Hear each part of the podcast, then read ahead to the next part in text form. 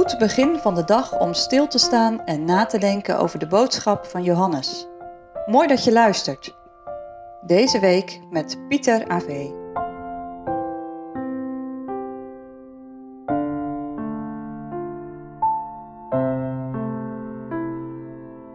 Hashtag 106.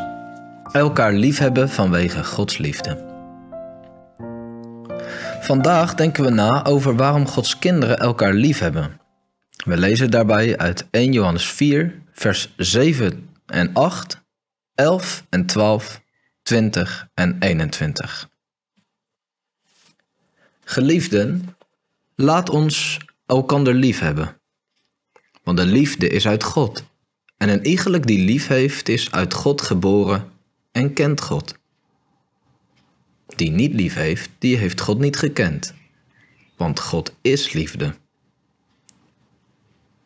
Geliefde, indien God ons al zo lief heeft gehad, zo zijn ook wij schuldig elkaar lief te hebben.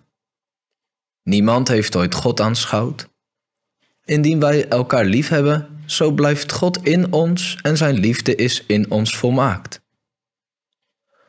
Indien iemand zegt: Ik heb God lief en haat zijn broeder, die is een leugenaar. Want die zijn broeder niet lief heeft die hij gezien heeft. Hoe kan hij God lief hebben die hij niet gezien heeft? En dit gebod hebben wij van hem, namelijk dat die God lief heeft, ook zijn broeder lief hebben.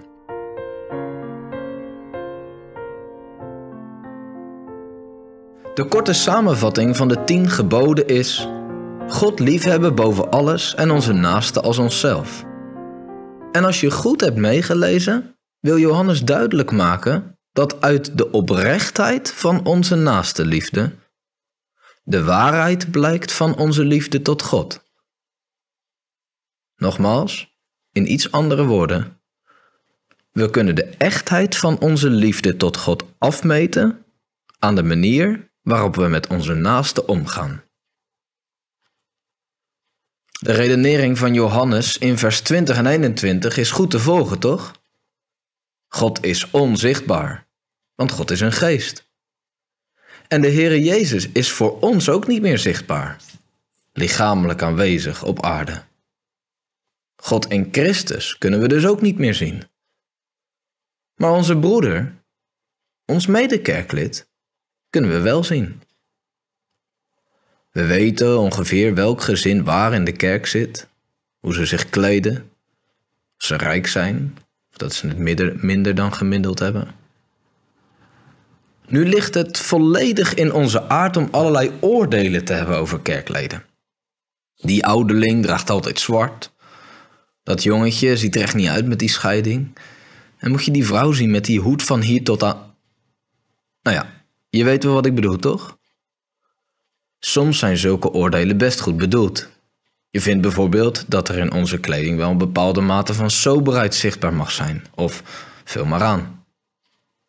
Maar heel vaak hebben negatieve opmerkingen over onze naasten het effect dat we onszelf wat ophogen en de ander wat naar beneden duwen. Ellebogenwerk dus. Dringen. Ik wil de meeste zijn. Ik ben goed. Ik ben of zit jij niet zo in elkaar? Wat een confronterende les leert Johannes ons in dit gedeelte. Want wie zo spreekt over zijn broeder, kent God niet. Wat vallen we onszelf toch tegen? Aha, denkt iemand anders. Dus, als ik gewoon heel lief ben voor mijn naaste, dan, dan kom ik in de hemel oude mensen bezoeken, aardig zijn voor mijn klasgenoten, vriendelijk zijn op JV. Nou, als je vers 11 en 12 leest, zou je het bijna zeggen. Probeer het maar eens. Maak er desnoods eens een challenge van. Om vandaag alleen maar goede dingen te doen. Dan zal het je pas opvallen hoe snel je lelijke gedachten hebt over een ander. Bijvoorbeeld als iemand niet opschiet als je haast hebt. Of ben je echt een vreemdeling in je eigen hart? Maar hoe kan het dan wel? Je naaste liefhebben als jezelf. In de Bijbel beveelt God nooit iets los van zijn genade. Lees vers 7, 8, 10 en 11 maar eens na elkaar met deze vraag in je gedachten. Waarom word ik door God gedrongen om mijn broeder lief te hebben? Dan kom je altijd uit bij God zelf. God is liefde. God heeft zijn zoon gegeven tot verzoening van onze zonden. Alleen als je door Christus bent schoongewassen, vertoon je iets van deze naaste liefde. Hoe wordt Gods liefde zichtbaar in jouw leven?